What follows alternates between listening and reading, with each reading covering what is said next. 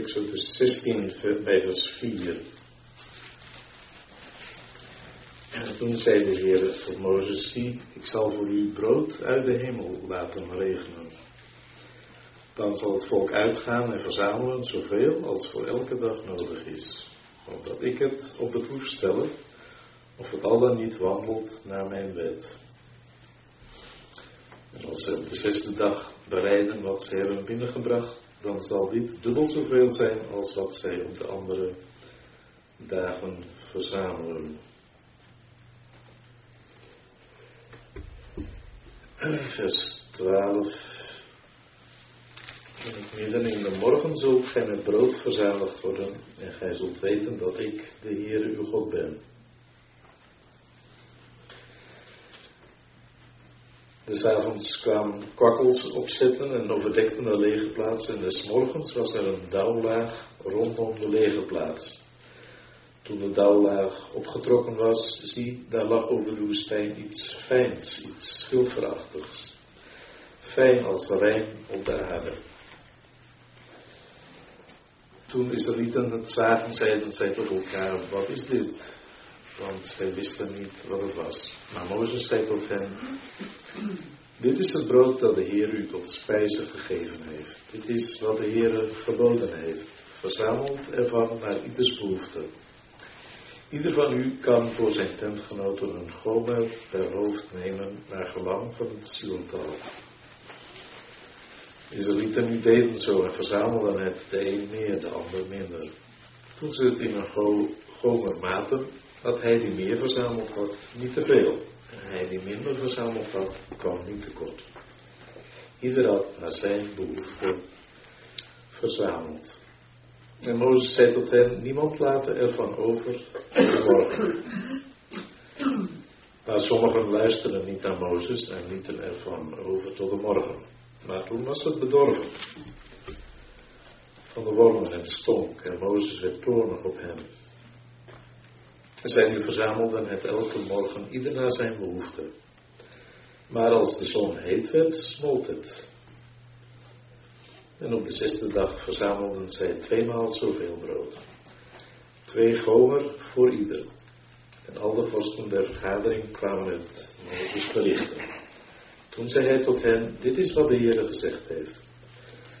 Een rustdag, een heilige sabbat, is het morgen voor de Heer. Bakt wat gij bakken wilt, kookt wat gij koken wilt. Laat al wat overblijft liggen om het tot de volgende dag, de volgende morgen te bewaren. zij lieten het dan tot de volgende morgen liggen, zoals Mozes bevolen had. Toen stonk het niet en er waren geen maden in. God zei Mozes, eet dit vandaag, want heden is het Sabbat voor de Heer. Vandaag zult ge het niet vinden op het veld. Zes dagen zult ge het verzamelen, maar op de zevende dag is het Sabbat, dan is het er niet. Toen er dan ook van het volk op de zevende dag heen gingen om wat te verzamelen, vonden zij het niet. Daarom zei de Heer tot Mozes, zolang weigert gij mijn geboden en wetten te onderhouden, bedenkt dat de Heer u de Sabbat gegeven heeft. Daarom geeft hij u op de zesde dag brood voor twee dagen. Ieder moet op zijn plaats blijven. Niemand mag zijn plaats op de zevende dag verlaten. Toen rustte het volk op de zevende dag. Het huis, Israëls noemde het manna. En het was wit als korianderzaad. De smaak ervan was als die van een honingkoek. Mozes zei, dit is wat de Heer geboden heeft. Vul er een gomer mee om het voor de toekomende geslachten te bewaren, opdat zij het brood zien dat ik u in de woestijn te eten heb gegeven, toen ik u uit het land Egypte leidde. Daarom zei Mozes tot de Aaron, neem een kruik, doe daarin een volle gomer manna en leg dit voor het aangezicht des Heren om het voor de toekomende geslachten te bewaren. Zoals de Heer Mozes geboden had, legde Aaron het voor de getuigenis ter bewaring. De Israëlieten nu hebben 40 jaar het manna gegeten totdat ze kwamen in bewoond land.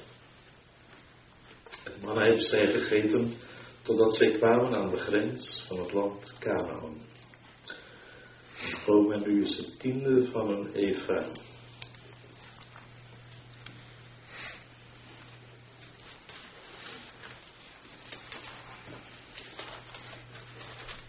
Vers uit Psalm 78.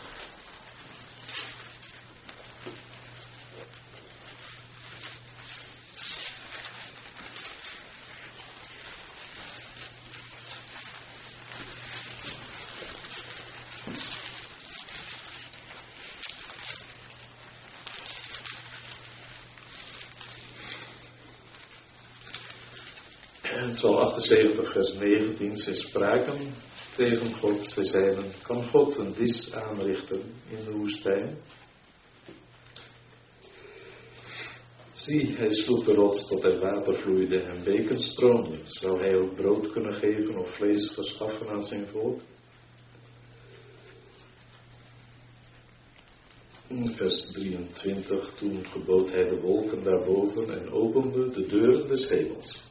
Hij deed mannen tot spijze op hen regenen en schonk hun hemelkoren. Brood der engelen had ieder. Hij zond hun teerkost tot verzadiging.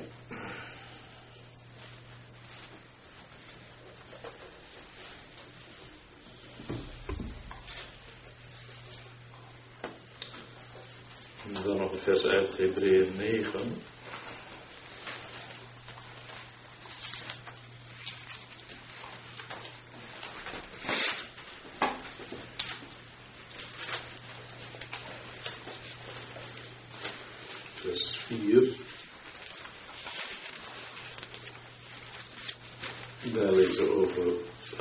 Verbond in het heiligste der heiligen.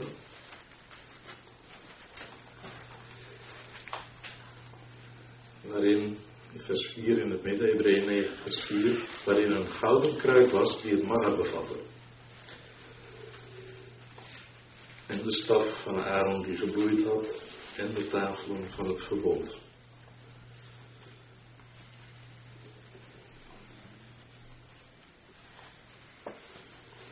uit openbaring 2 nog iets.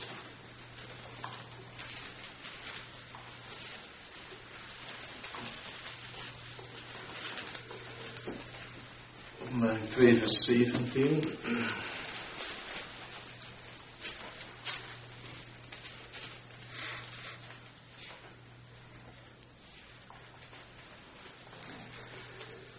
Wie een oor heeft, laat hij horen wat de geest tot de gemeente zegt. Wie overwint, die zal ik geven van het verborgen mannen.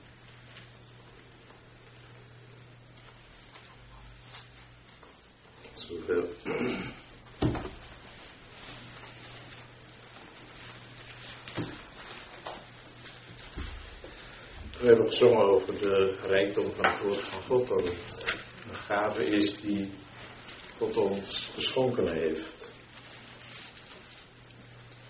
Vader, dank voor deze gave levensvoedsel, hemelbrood. Daar hebt u al die uitdrukking, hemelbrood. Dat wijst erop dat dat voedsel van boven komt. Van bovenuit de hemel neerdaalt van God. En u zou eigenlijk ook Johannes 6 moeten lezen, maar dat moet u voor uzelf uitdoen, want het is een lang hoofdstuk. Daar zegt de Jezus tegen de Joden dat Mozes gaf hun het manna in de woestijn. Maar mijn vader geeft u het, hemel, het brood uit de hemel. En daarmee doelde de Heer op zichzelf. Als het ware voedsel voor ieder die gelooft. Die van hem eet, zegt hij, die ontvangt eeuwig leven. Die zich de Heer toe-eigent door het geloof, die ontvangt het leven en die wordt ook dagelijks gevoed door dat wonderbare brood uit de hemel. We mogen ons elke dag voeden met dat hemelbrood. Het manna, ik meen dat het betekent, dat is dit, manna. Dat kenden de Israëlieten niet. Het was nieuw voor hen. Ja, ze waren eerst ontevreden dat ze geen eten hadden in de woestijn. Toen zei de Heer, ik heb het gemor van Israëlieten gehoord. S'avonds zullen jullie vlees krijgen.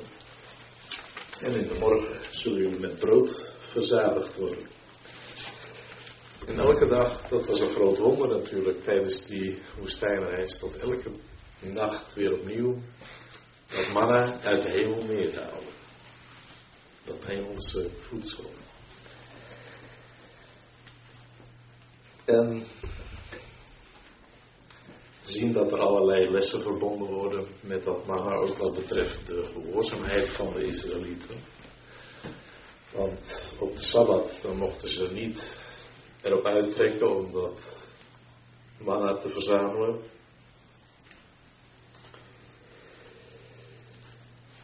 De zesde dag kregen ze dubbele hoeveelheid van de Heer.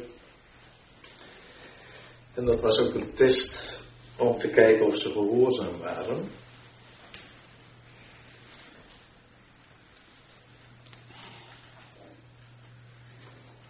En die zei dat ook in vers 4. Ik zal voor u brood uit de hemel laten regenen. ik zal het volk op de proef stellen of het al dan niet wandelt naar mijn wet.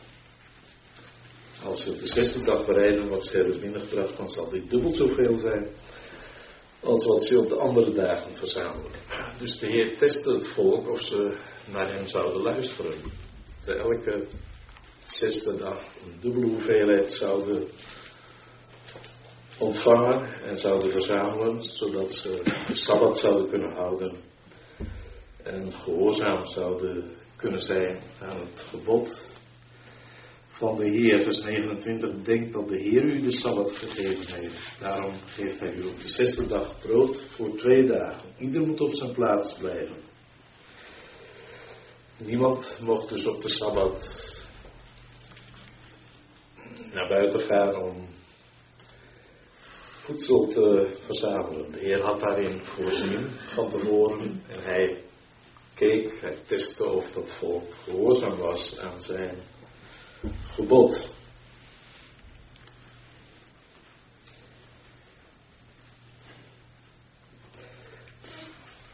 Iets uh, heel opmerkelijks is ook dat dat voedsel niet lang houdbaar was.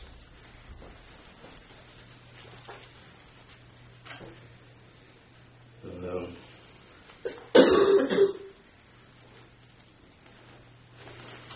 het was dus wel houdbaar, die vanaf de zesde dag tot en met de zevende dag.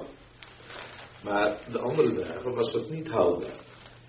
Moesten ze elke dag opnieuw moesten ze erop uittrekken om vers voedsel, vers manna te verzamelen.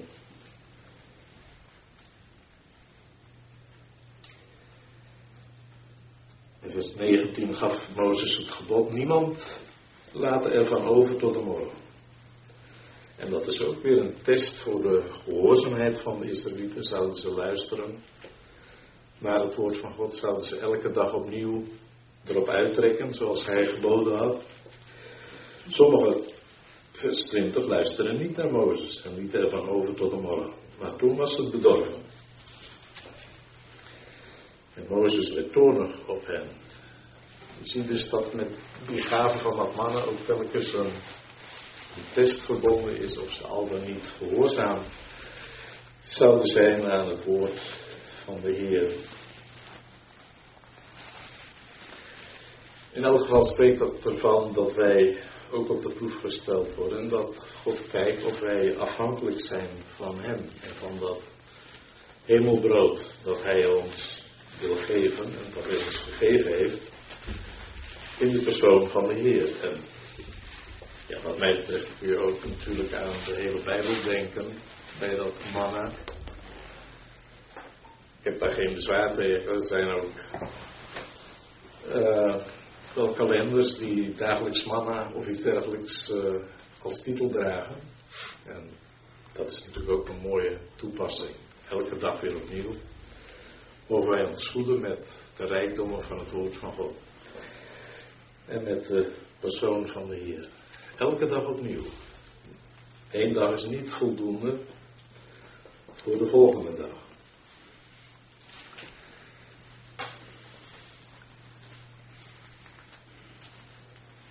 En als, er staat ook ergens als de zon opkomt, dat het dan smelt.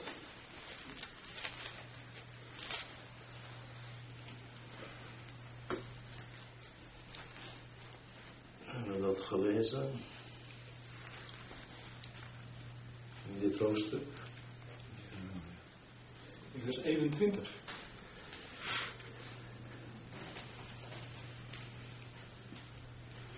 Nee, het gaat voor mij over het opgaan. Oh ja, vers, ja, vers 21. Als de zon heet werd, smolt het. Zijn verzamelden het elke morgen ieder naar, behoefte, naar zijn behoefte, maar als de zon heet werd, dan smolt het. Dat spreekt van de hitte van de beproeving. Als, die, als we die ervaren, als er moeite is, als er leed is. En we hebben dan niet voldoende verzameld, we hebben het niet gegeten. Dan hebben we er ook niets meer. Dan smelt het weg als het ware in de, in de hitte van de beproeving, in het vuur van de, beproeving. Dat we ook wel dagelijks uh, ervaren in ons leven. We moeten ons dus op tijd voeden met het woord van God de tijd nemen om stil te zijn voor het aangezicht van God. Zijn woord te lezen, dat overdenken en ons af te vragen wat is hierin, in dit Bijbelgedeelte te vinden van de persoon van de heiland, van de hemelse manna, waarmee ik me mag voeden en wat tot hulp en steun kan zijn, tot leiding voor deze dag. Als ik dat niet doe, en de zon gaat op. Als we op de proef gesteld worden, dan, dan hebben we er niets meer aan. Het smolt.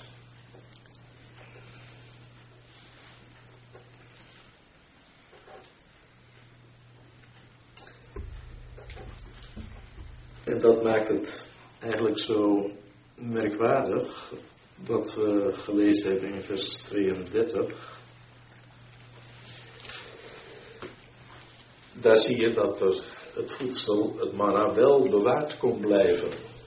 Als het gebracht werd in de tegenwoordigheid van God.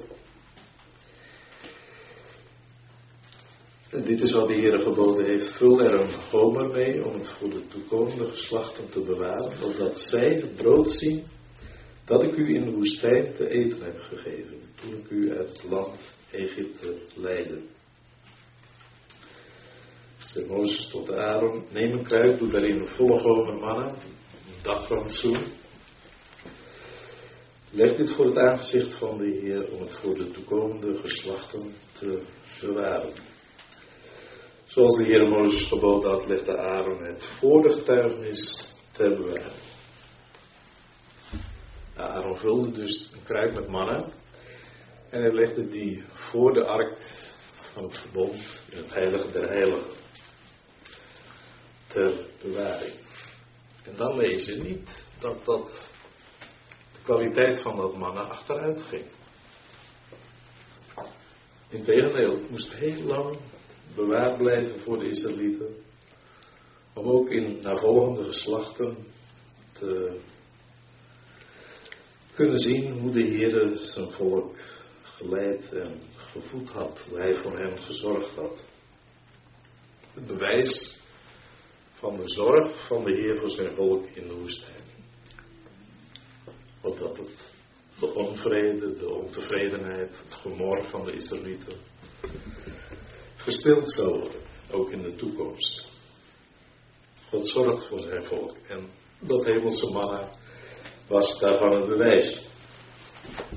En in Hebreeën 9 hebben we gelezen dat die kruik waarin het manna bewaard bleef, dat dat een gouden kruik was. Niet zomaar een, iets goedkoops, maar een heel duur, kostbaar materiaal, een gouden kruik. En bovendien, uh, niet alleen met die kruik, die gouden pot, is de Engelse vertaling, voor de ark neergelegd, voor de getuigenis, dat zijn de wetstafelen. Maar de Hebreeënbrief zegt dat die zelfs in de ark bewaard werd. Verborgen in het heiligdom, verborgen in de ark van het verbond. Ik vind dat heel wonderlijk, dat contrast, dat deze, dit manna, verborgen was in het heiligdom, voor altijd houdbaar was, nooit bedorven. En dat het de tegenwoordigheid van God sprak van zijn zorg voor het volk. En wat denkt u waar dat op doelt, die gouden kruik met manna?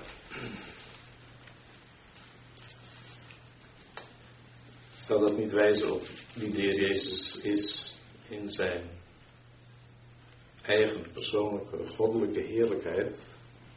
Goud spreekt van de heerlijkheid, de goddelijke heerlijkheid van zijn persoon. En hij is nu niet meer op aarde. Jezus is, we in het beeld van het mannen uit de hemel neergedaald, als dat ware brood uit de hemel. Om aan de wereld het leven te geven, en om aan ons het leven te geven. En wij mogen ons dagelijks met hem voeden, zoals we hem vinden in het woord. Maar de Heer is niet meer op aarde, hij is daarboven, in het heiligdom. Hij is die verheerlijkte mens. Hij is daar gekroond met eer en heerlijkheid.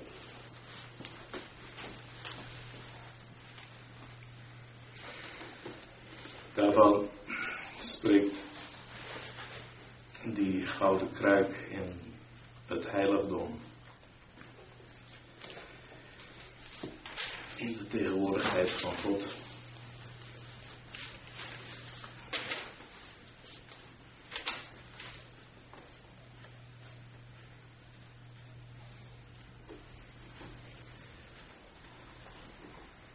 Gouden kruik die het mannen bevatte en de staf van Aaron die gebloeid had. De staf van Aaron spreekt van zijn opstanding uit de doden. Dode staf van Aaron die bracht, die bracht leven en rijpe amandelen voort in één nacht. Dat spreekt ervan dat de Heer de bron van het leven is. En dat Hij ons ook nieuw leven geeft, eeuwig leven. Maar zoals gezegd, in het manna zien we de Heer zoals hij neerdaalde op aarde, in die gouden kruik. En zien we hoe die waarachtige mens nu gekroond is met eer en heerlijkheid. En hoe hij in het heiligdom verborgen is. Daar zijn plaats inneemt in de tegenwoordigheid van God. En wat is dat dan voor een wonderlijke belofte aan de overwinnaars in Pergamus?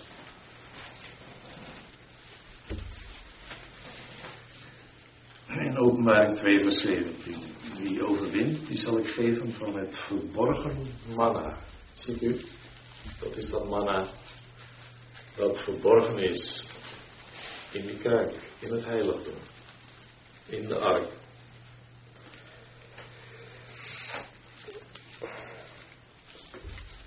En dan zie je dat dat voedsel zelfs reikt tot in de eeuwigheid. Het derft nooit. En het is beschikbaar ook straks als we bij de Heer zullen zijn. En als Hij ons zal belonen, als Hij ons zal kronen als overwinnaars.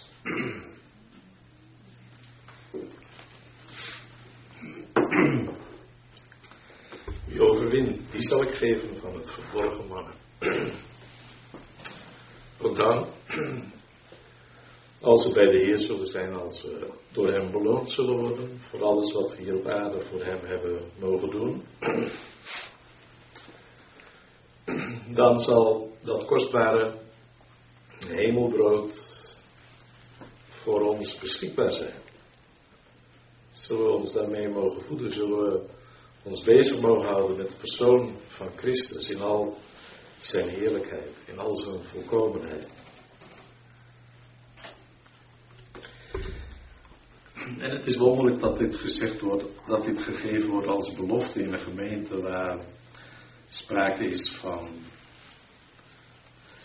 onreinheid, van het eten van afgodenoffers en van hoererij, dus van verbinding met de wereld, van bederf, geestelijk bederf.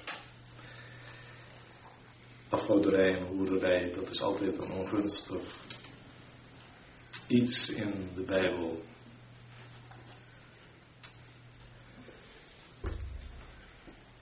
Maar in tegenstelling tot die onreinheid, tot dat falen van die gemeente in Pergamus, die zich verbond met de afgoden en met de wereld, in tegenstelling.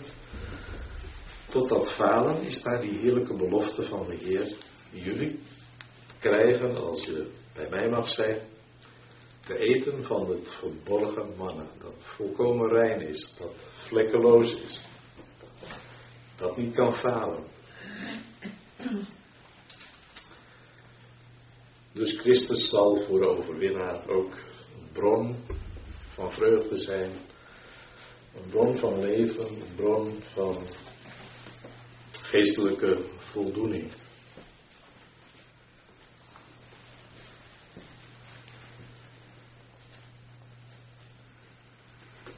En het trof mij deze week toen ik daarover nadacht, dat je dus ziet dat dat manna van de mens uitgezien vergankelijk is, kan bederven, kan smelten in de hitte van de beproeving, maar het spreekt ons van de persoon van de Heer die heerlijk is en die volkomen is, waarin geen falen is, geen tekortkoming. Hij is er altijd in de heerlijkheid van God en hij leeft daarom voor ons te bidden daarvan. Spreekt ook Aaron en die staf van Aaron. Maar wie hij was in zijn mens zijn hier op aarde, in al zijn volkomenheid, dat blijft dus voor altijd bewaard. Daar gaat niets van verloren. Het mannen was fijn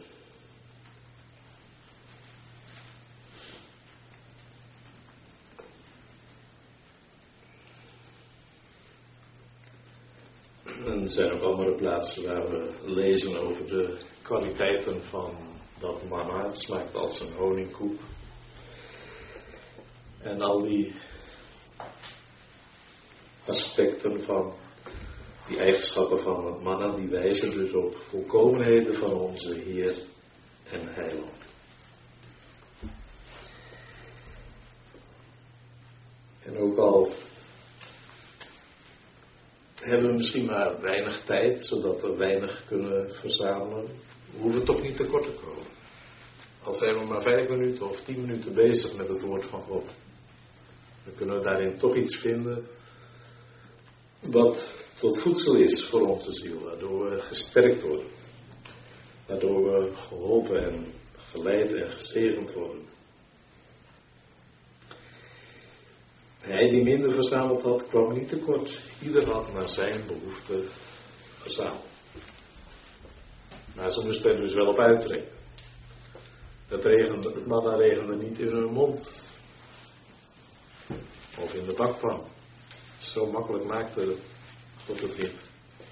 Ze moesten erop uitgaan. Ze moesten het verzamelen. Bijeenbrengen en toebereiden. Wel nu, dat wijst erop dat wij natuurlijk zo intensief met het woord van God bezig mogen zijn. Daarin mogen graven en ons daarmee mee mogen bezighouden. Elke dag weer opnieuw. En ja, wij hoeven niet de Sabbat te houden, dat, dat weten we, dat hoef ik u niet te vertellen. Maar voor de Israëlieten was dit dus een test om te kijken, zijn ze al dan niet gehoorzaam aan het gebod van God. En ook voor ons kan het dus een test zijn dat de Heer kijkt of we genoegen nemen met dit hemelbrood. Brood van de engelen.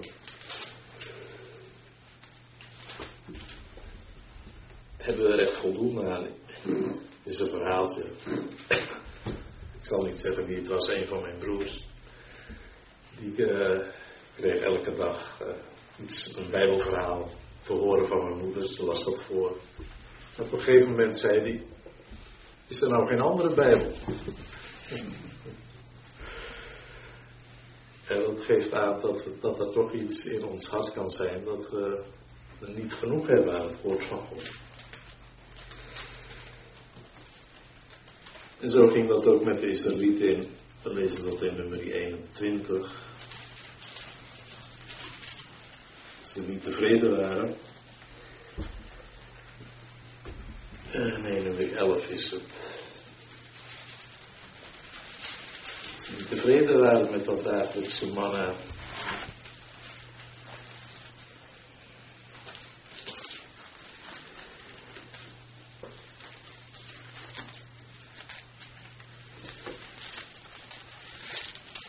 Nummer 11, vers 4 dan begeert het volk vlees te eten. En andere lekkernij die ze in Egypte genoten. En dan zeggen ze, we drogen nu uit. Er is niets te vinden hier in de woestijn. We krijgen alleen dit man te zien. Daar weer dus die uh, beschrijving van de, de aard, het uiterlijk van het man. Het leek op korianderzaad, dus een fijn aromatisch zaad. En het, het zag eruit als balsemhars. Dat is ook iets kostbaars, iets bijzonders. Het volk verspreidde zich om het te verzamelen, maalde het in handmolens of stampte het in vijzels, kookte het in potten en bereidde het tot koeken. De smaak ervan was als van oliegebak. Het had dus wel een hele fijne en goede smaak. Oliegebak. Dat spreekt ons ook van de aanwezigheid van persoon van de Heilige Geest. Waarmee de Heer gezalfd was en verzegeld. En waarmee wij ook gezalfd en verzegeld zijn. Telkens wanneer de s'nachts de dauw op de leegplaats neerdaalde, daalde ook het man daarop neder. Maar als je smaak dus verdorven is, bedorven is, en als je alleen maar terugdenkt aan die lekkere dingen in Egypte, een beeld van de wereld is, ja, dan ben je niet tevreden met dat mannen. En dat is ook weer een test voor het volk natuurlijk. Maar het kan ook een test voor ons zijn. Zijn we tevreden met alles wat we vinden in het woord van God, alles wat we vinden in de persoon van de Heer.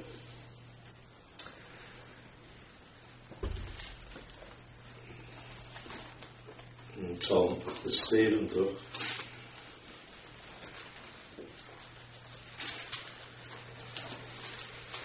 Wordt manna zelfs brood der engelen genoemd. Hij schonk een hemelkoren brood der engelen had ieder. Dat is ook een speciale uitdrukking. Brood der engelen.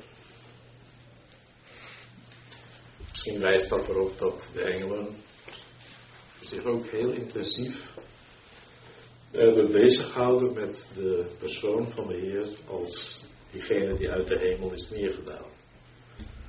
Engelen hebben, hebben hem gezien toen hij, nadat hij mens geworden was. En ze hebben al die belangrijke fasen van zijn leven meegemaakt. En de Heer ook begeleid daarin. Brood der engelen. Nu, als dat manna dus brood is, voedsel voor engelen, voor die machtige hemelwezens, zou het dan niet voldoende zijn voor ons? Om ons daarmee te voeden?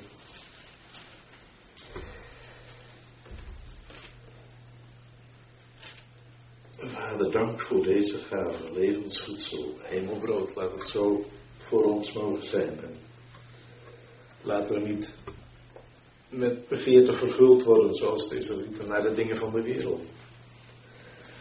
De dingen van het vlees, maar laten we dankbaar zijn voor dat heerlijke hemelse brood. Dat hemelkoren, dat Hij elke dag weer opnieuw aan ons wil geven om ons daarmee te voeden, om ons te sterken en om ons te leiden op onze weg hier beneden.